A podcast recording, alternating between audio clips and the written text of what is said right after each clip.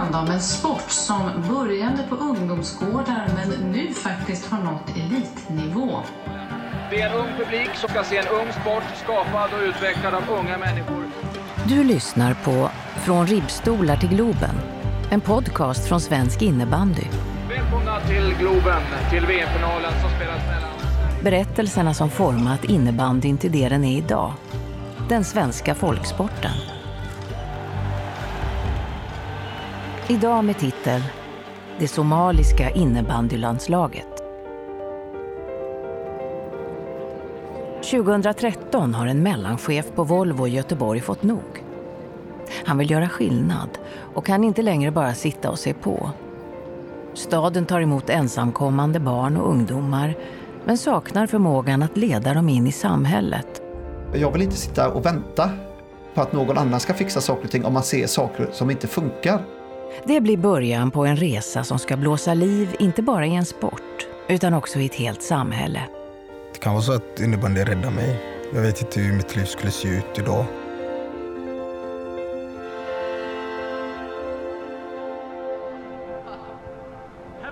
På en av gårdarna i stadsdelen Bergsjön i nordöstra Göteborg kämpar solen för att nå ner till asfalten. Det är oktober och vinden blåser kallt. På marken har några killar placerat ut vattenflaskor som provisoriska fotbollsmål. Än så länge är fotboll den enda sporten som finns för dem. Men det ska snart komma att förändras, för alltid. För i det lokala fotbollslaget, som tidigare varit en trygghet för killarna, handlar det numera om att vinna eller försvinna. Tränaren toppar laget och det är inte längre kul att vara med. Så de spelar här på gården istället. En av dem är Abdifata Amin. Tränarna de tar alltid de bästa spelare. De skiter i alla andra. Man spelar för lite, man kanske inte får det man förtjänar. Och det är en av de anledningarna jag fortsätter spela innebandy. När den här berättelsen tar sin början 2013 beskrivs stadsdelen Bergsjön i media som en plats präglad av otrygghet och kriminalitet. Och även om många boende tycker att mediabilden är starkt överdriven så är de flesta överens om att segregationen och utanförskapet i nordöstra Göteborg måste brytas. Ungdomar behöver ett sammanhang och aktiviteter som ger dem självkänsla och framtidstro. Geografin i Göteborg gör att människor inte möts i vardagen. Det hänger ihop med miljonprogramsutvecklingen där det ska, har skapats olika bubblor. Två mil väster om Bergsjön sitter nationalekonomen Pontus Berger på sitt kontor på Volvo Cars. Klockan 16.59 stänger han som vanligt ner datorn och går ner mot parkeringen. Hans jobb som business controller på Volvo Cars är hektiskt och det känns ofta som att tiden springer ifrån honom. Som barn förstod han inte vad vuxna menade när de sa så, men det gör han nu.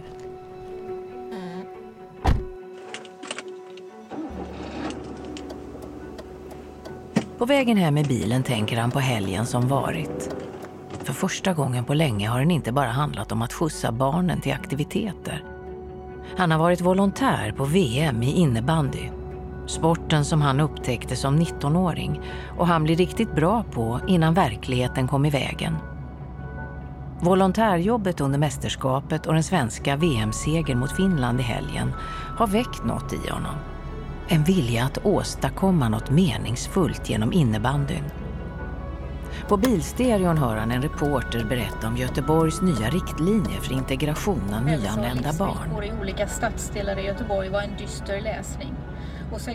Huvudskyddsombudet för Lärarnas riksförbund i Göteborg intervjuas och menar att det saknas konkreta åtgärder och att politikerna inte verkar förstå allvaret. Det är såklart ett, ett stort problem att man. Pontus nickar för sig själv. Han har följt samhällsutvecklingen i Göteborg och är oroad över ökad segregation, klassklyftor och kriminalitet. Att det här är min hemstad och det är den stad man vill leva i. Man vill att den ska funka, den ska vara jämlik. Människor ska ha möjlighet att ta sig fram. Eh, Så man har ju känt eh, emotionellt för staden Göteborg. Och det vi behöver göra är att bryta det utanförskapet som, som har uppstått. Och eh, även de eh, främlingsfientliga tendenserna, trenderna som vi ser. Och allt det här behöver ju motverkas. Vi måste istället visa vilket värde vi kan utveckla. Samtidigt som viljan att bidra till samhällsutvecklingen i Göteborg upptar allt mer av hans tankar funderar Pontus på om rollen som business controller verkligen är rätt för honom. Hans dagar består till största delen av möten. Ledningsgruppsmöten, måndagsmöten, processmöten, utvärderingsmöten och tidrapporteringsavstämningsmöten. Pontus funderar. Det måste väl finnas mer i livet än det här? Jag, jag har ju insett att, att jag, jag vill inte sitta och vänta på att någon annan ska fixa saker och ting om man ser saker som inte funkar. Pontus föds i västtyska Koblenz. Som tioåring flyttar han med sin mamma och bror till Sverige. Hans mamma är svensk, så språket är inget problem. Men hans accent och det faktum att han bara dyker upp mitt i mellanstadiet gör honom inte särskilt populär i klassen. Tills han en dag får vara med och spela fotboll på rasten. Efter det spelar han fotboll och landhockey med kompisarna varje dag och drömmer om att en dag bli proffs. När Pontus är 19 blir han introducerad för innebandy. Man kan säga helt enkelt att där och då föddes kärleken till, till plasten, plastbollen och plastklubban. Så att sen, sen var vi fast. Sen, sen var det bara innebandy som gällde istället för landhockeyn. Bara ett år senare bildar han tillsammans med sin bror Mölndals innebandyklubb. Året därpå arrangerar bröderna SM-slutspelet i Mölndal. Innebandyn har kommit att bli en del av deras identitet och den fortsätter vara en del av hans fritid ända upp i vuxen ålder. Och då började jag fundera på om, eh, om inte man kan kombinera ihop det här och, och göra något med innebandyn. Innebandyn, att använda den som ett, ett verktyg helt enkelt. Och innebandy, det är, det är ju verkligen min sport. Till slut så kom jag fram till att nej, jag, jag vill göra något konkret för att bidra till utvecklingen i, i Göteborg. För stan hänger inte ihop. I början av 2015 vänder sig Pontus därför till sin fru Kristina för råd. Kristina, som även hon är en sann föreningsmänniska, förstår varför Pontus vill göra det här, även om det innebär en stor förändring. Det resulterade i att jag från maj 2015 fram till december 2016 Eh, Eh, det vill säga totalt 20 månader, tog tjänstledigt från, från mitt eh, arbete och min arbetsgivare Volvo Cars med den tydliga ambitionen att få igång en innebandyverksamhet helt enkelt i nordöstra Göteborg. Men det finns ett problem. Intresset för innebandy bland ungdomarna i Bergsjön är så gott som obefintligt. Pontus kontaktar Västsvenska innebandyförbundet och International Floorball Federation och efter många och långa samtal känner Pontus att han har den grund som krävs för att bygga upp en innebandyverksamhet i Bergsjön. Till en början anordnar Pontus öppna träningar för de som är intresserade.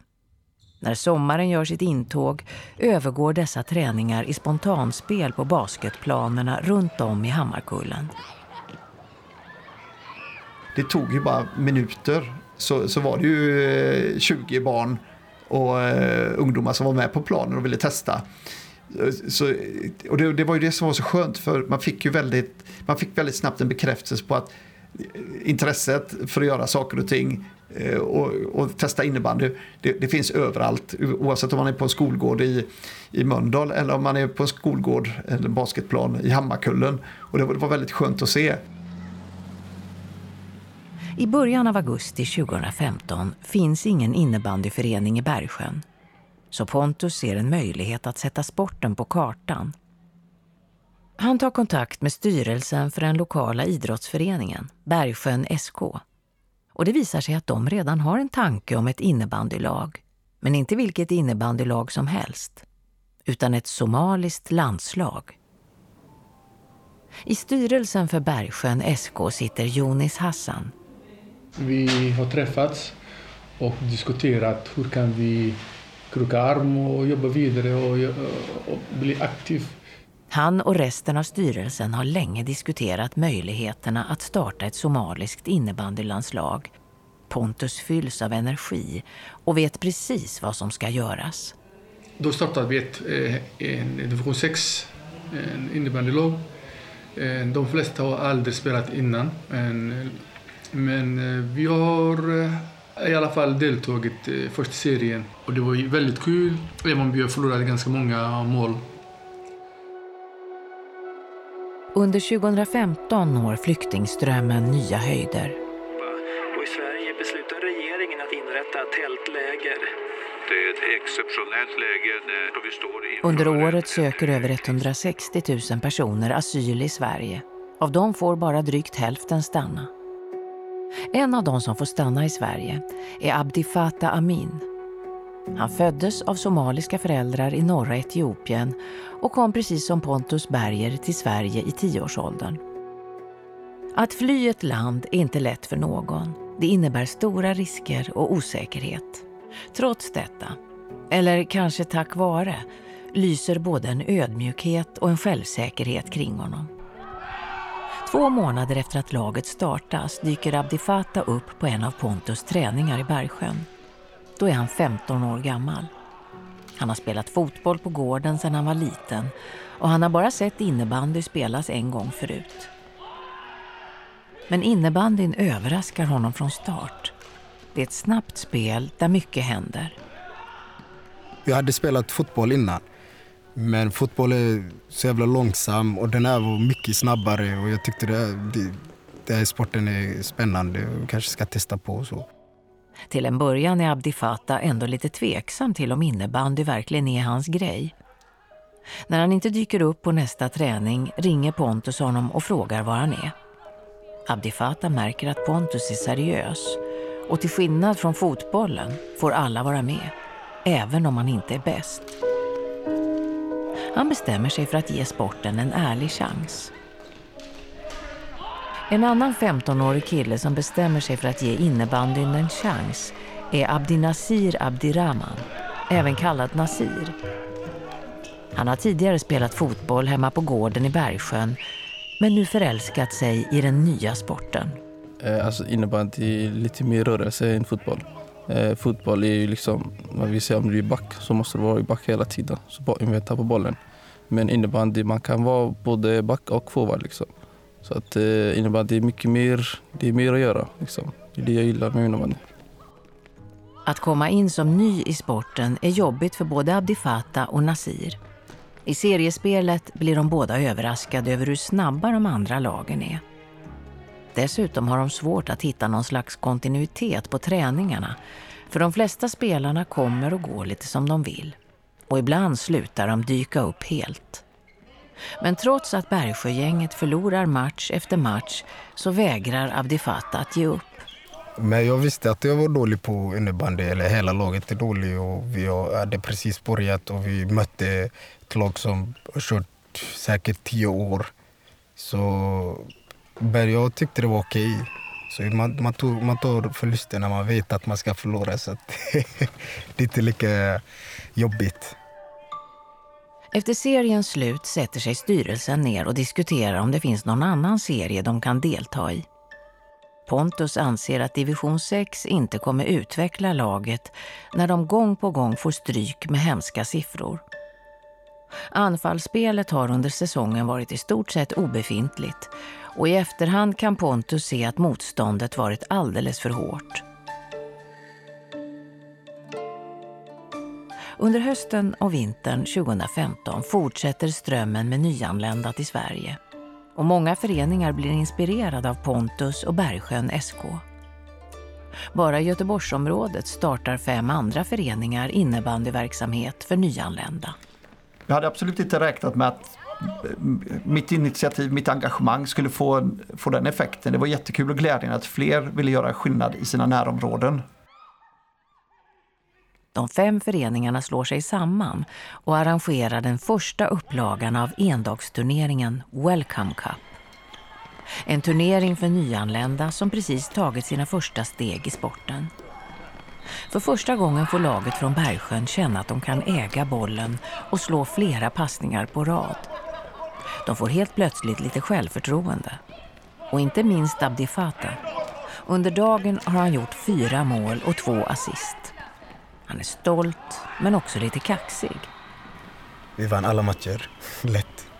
Och sen insåg jag att vi har utvecklats. För förrän dess såg, insåg jag inte att vi har utvecklats alls. För alla lagen vi möter gör hur många mål som helst mot oss och vi, vi vet inte hur mycket vi kan.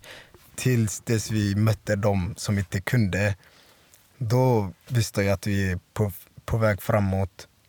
Abdi Fatas positivitet och driv är precis vad laget behöver för att fortsätta framåt. Och efter ett tag blir han vald till lagkapten för laget. Jag kände mig mogen när jag blev vald för kaptenen. För det finns de flesta är äldre än mig på innebandy, men ändå är jag kaptenen. Så att det känns bra. Jag är stolt. Jonis, styrelseordförande för Bergsjön SK, fortsätter samtalen kring ett somaliskt innebandylandslag bestående av spelare från den somaliska diasporan i Sverige. Och i mars 2016 håller Somaliska riksförbundet årsmöte i Stockholm. När mötet når sitt slut har ett nytt förbund bildats. Somalia Floorball Federation. Det här vi kände bara att vi vill gärna dela med oss en positiv energi och gärna att vi inte synas oftast som en negativ eh, utan det vi vill gärna se som en positiv genom idrotten.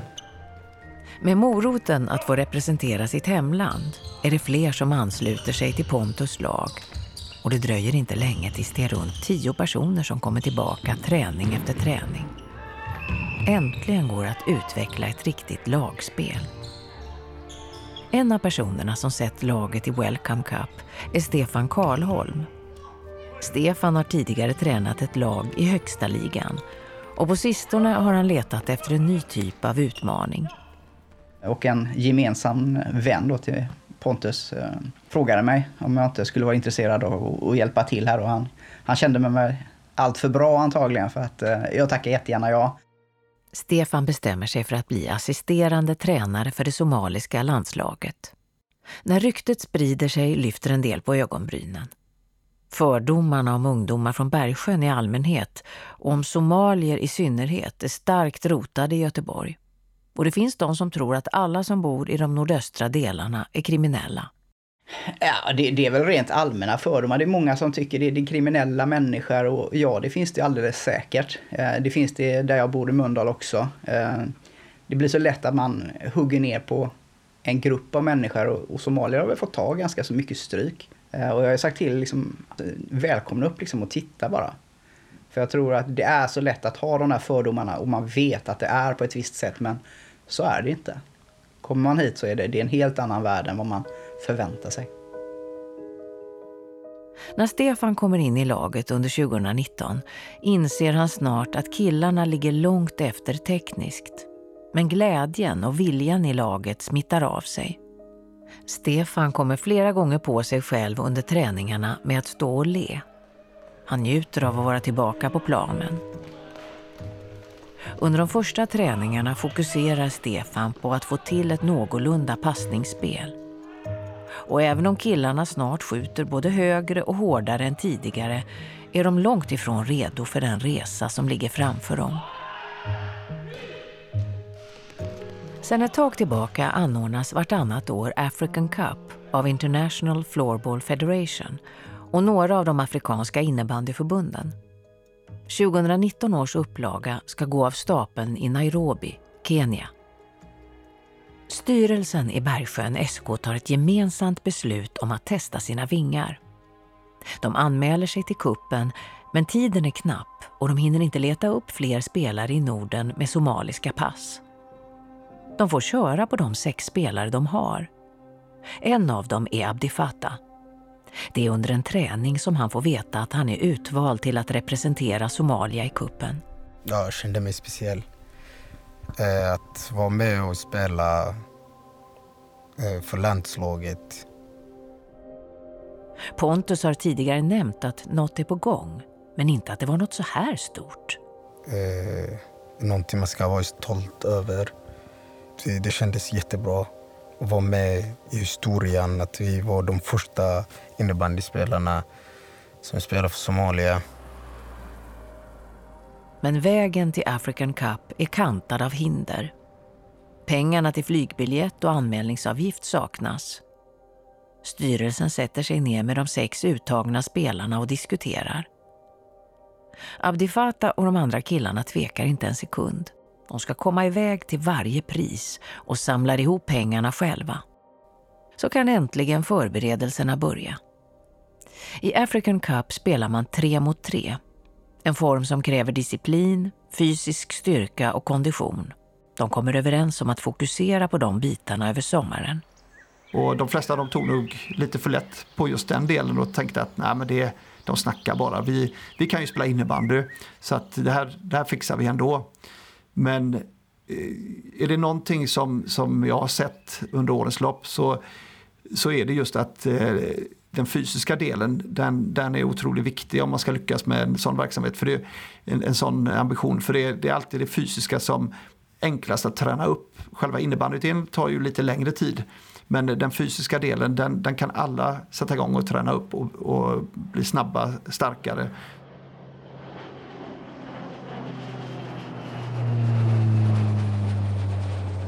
Efter en lång flygresa landar Bergsjögänget i Nairobi. Ingen av dem har varit i Kenya förut och de har svårt att föreställa sig vad som kommer möta dem. Eh, och det är ju en liten, en liten nervositet innan man eh, väl kommer ner på plats. Eh, och får med sig allting och alla så att säga. Och man vet aldrig vad som kan hända på vägen. Redan på flygplatsen möts de av problem. Stefan fastnar i gränskontrollen och får inte komma in i landet. Eh, jag var väl en av dem som fastnade för, för att komma in då jag eh, hade ett papper där några siffror inte syntes. Och...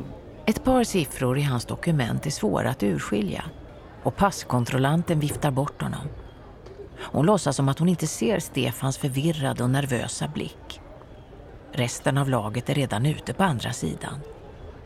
Efter en lång stund lyckas Stefan skriva ut ett nytt papper och kontrollera noga att all information syns. Men trots det får han nej igen. Där kände man väl kanske en, en liten nervositet och undrar vad, vad är det jag håller på med egentligen. Eh, men eh, när man väl eh, traskade igenom den tullen där så då var det bara... Ja, det var en skön känsla helt enkelt.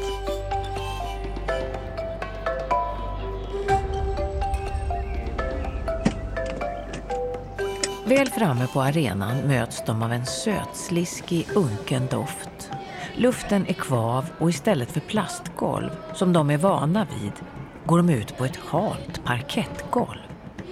I första matchen möter de Kenya. Killarna är nervösa. Med Abdifata i spetsen ställer de upp sig på planen. Tre mot tre. Den biten borde sitta nu. De försöker få igång sitt spel, men det är svårt. Deras platta sulor är inte anpassade för det hala golvet och de ramlar gång på gång. Abdifata slås för första gången av oro. Energin han haft under resan hit är som bortblåst. Eh, ja, det var jättemycket publik där. Både från eh, Kenyas sida och från vår sida, då, Somalia. Så man känner sig jättenervös när man ser så många publik där. Och man står där och kollar på, att folk står där och kollar på. Det blir 30 tuffa minuter. Spelarna i Kenya är extremt snabba och har skor som får bra grepp på det hala golvet. Eh, det, det är jättevältränade spelare verkligen. Eh, våra spelare är helt överlägsna rent tekniskt, passningsmässigt och allt sånt där. Men det räckte liksom inte till mot de här. De, de sprang och sprang och sprang och det, det var imponerande att se. Matchen slutar i förlust med 7-6 och det somaliska laget är besvikna. Efteråt omringas de av nyfikna åskådare som vill ta bilder och prata men Abdefata smiter iväg ensam. Han är arg över att det inte gått som han vill. Inför den andra matchen är han helt utmattad, både fysiskt och psykiskt. Stämningen i laget är på botten och egentligen vill han bara åka hem till hotellet och lägga sig. När han ansluter till laget igen står motståndarna i Burkina Faso redan uppställda på planen. Precis som Kenya är de otroligt snabba. De är vana vid värmen och den kvava luften. Det blir förlust, igen. Sex mål mot ett. På kvällen smiter Abdifata iväg själv igen. Han sätter sig i hotellets lobby och scrollar mållöst på Instagram. Han är irriterad över att det inte gått som han vill under dagen. Det som får hans humör att vända igen är en notis med oväntad support hemifrån. En bekant har publicerat en bild på Abdifata och några andra av killarna i laget. Han rätar på sig. Kommentarerna på inlägget är många. Skriver typ Heja Somalia, jag vet inte vad det här sporten är men lycka till ändå. Så att, eh, Även om de säger att de inte förstår sporten smittar glädjen av sig på Abdifata. Med återfunnen styrka går han och lägger sig. I nästa match möter de Uganda.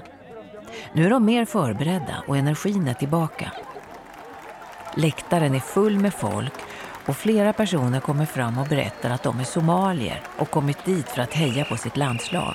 När domaren blåser igång matchen är det helt ny energi i hallen. Jublet är öronbedövande. Det är som att det är ett helt annat lag som spelar. När slutsignalen ljuder står det 5-2 till Somalia. De har vunnit sin första match i African Cup, men än viktigare, de har vunnit sin första match som Somalias landslag. I den sista matchen är det ett självsäkert gäng som ställer upp. De har vant sig vid det hala golvet och vet att de är överlägsna rent tekniskt.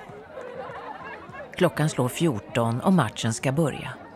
Spelarna ser sig runt i hallen. Mosambik inte på plats.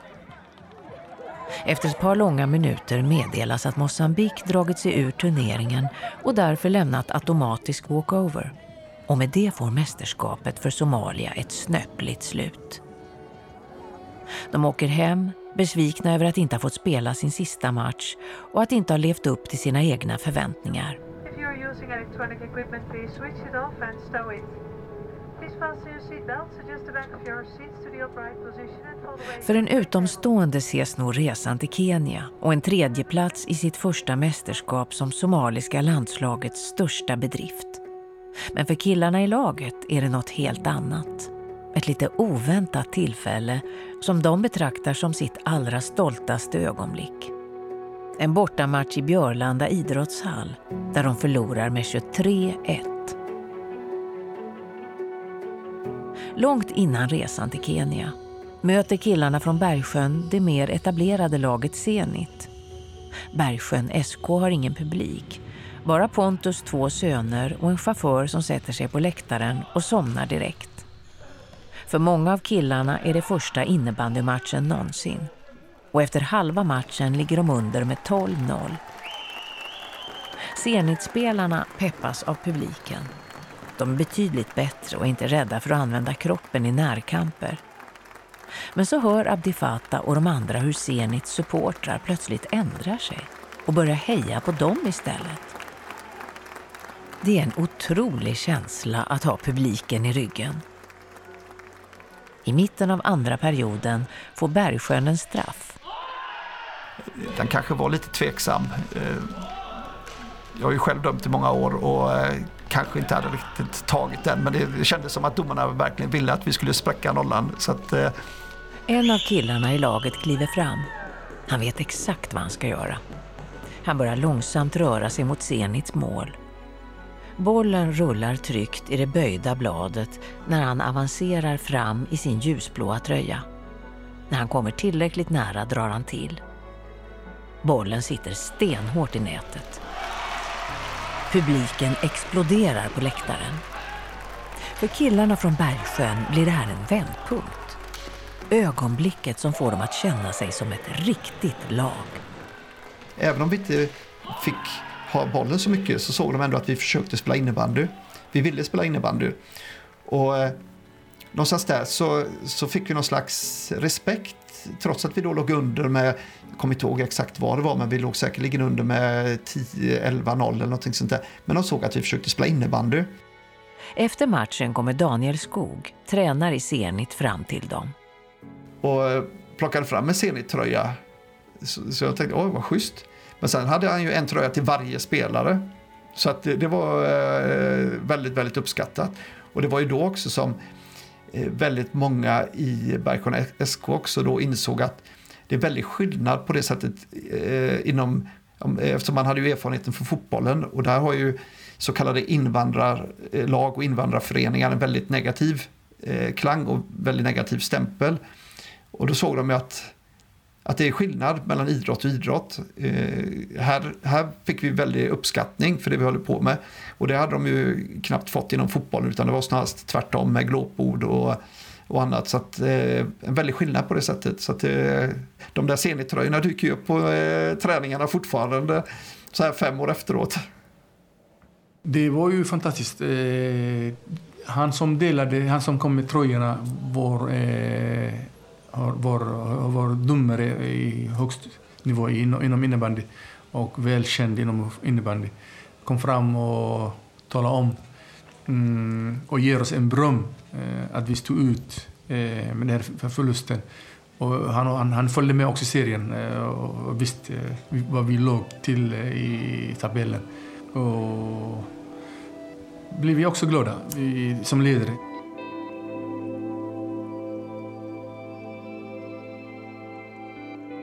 Det är i Björlanda idrottshall som killarna från Bergsjön för första gången känner det självförtroende och den uppmuntran som krävs för att våga satsa. När Abdi Fatah pratar om framtiden har han en tydlig bild framför sig. Han vill fortsätta spela innebandy så länge han kan, men han vill också föra Pontus arbete vidare i sitt hemland om jag har råd med att ha klubbor till att börja med och bollar så hade jag tagit ner klubbor och bollar har bara testat på. Det finns planer där folk kan köra. När folk börjar spela och folk kommer in till spelet och folk gillar och då kan man prata med de som styr sporten där och be om stöd och hjälp och sprida sporten. Och jag, jag är ganska säker på att det hade fått in flera lag, eh, innebandylag, folk som vill spela innebandy. Många hade gillat det om jag hade tagit ner dit. Killarna från Bergsjön har lyckats göra något som människor kan ägna hela livet åt. De har hittat meningen med sitt idrottande. Ett syfte som får dem att fortsätta. Där prestationen är sekundär och nöjet primärt. Kanske har de funnit essensen av det som är innebandy och kraften som det innebär. På frågan om Abdi Fatah tror att sport kan leda unga på rätt bana svarar han så här. Ja, till exempel jag. För eh, om jag inte hade börjat träna innebandy, jag vet inte var jag hade hamnat. Det kan vara så att innebandy räddar mig. Jag vet inte hur mitt liv skulle se ut idag. Men nu med innebandy ser det ut så här.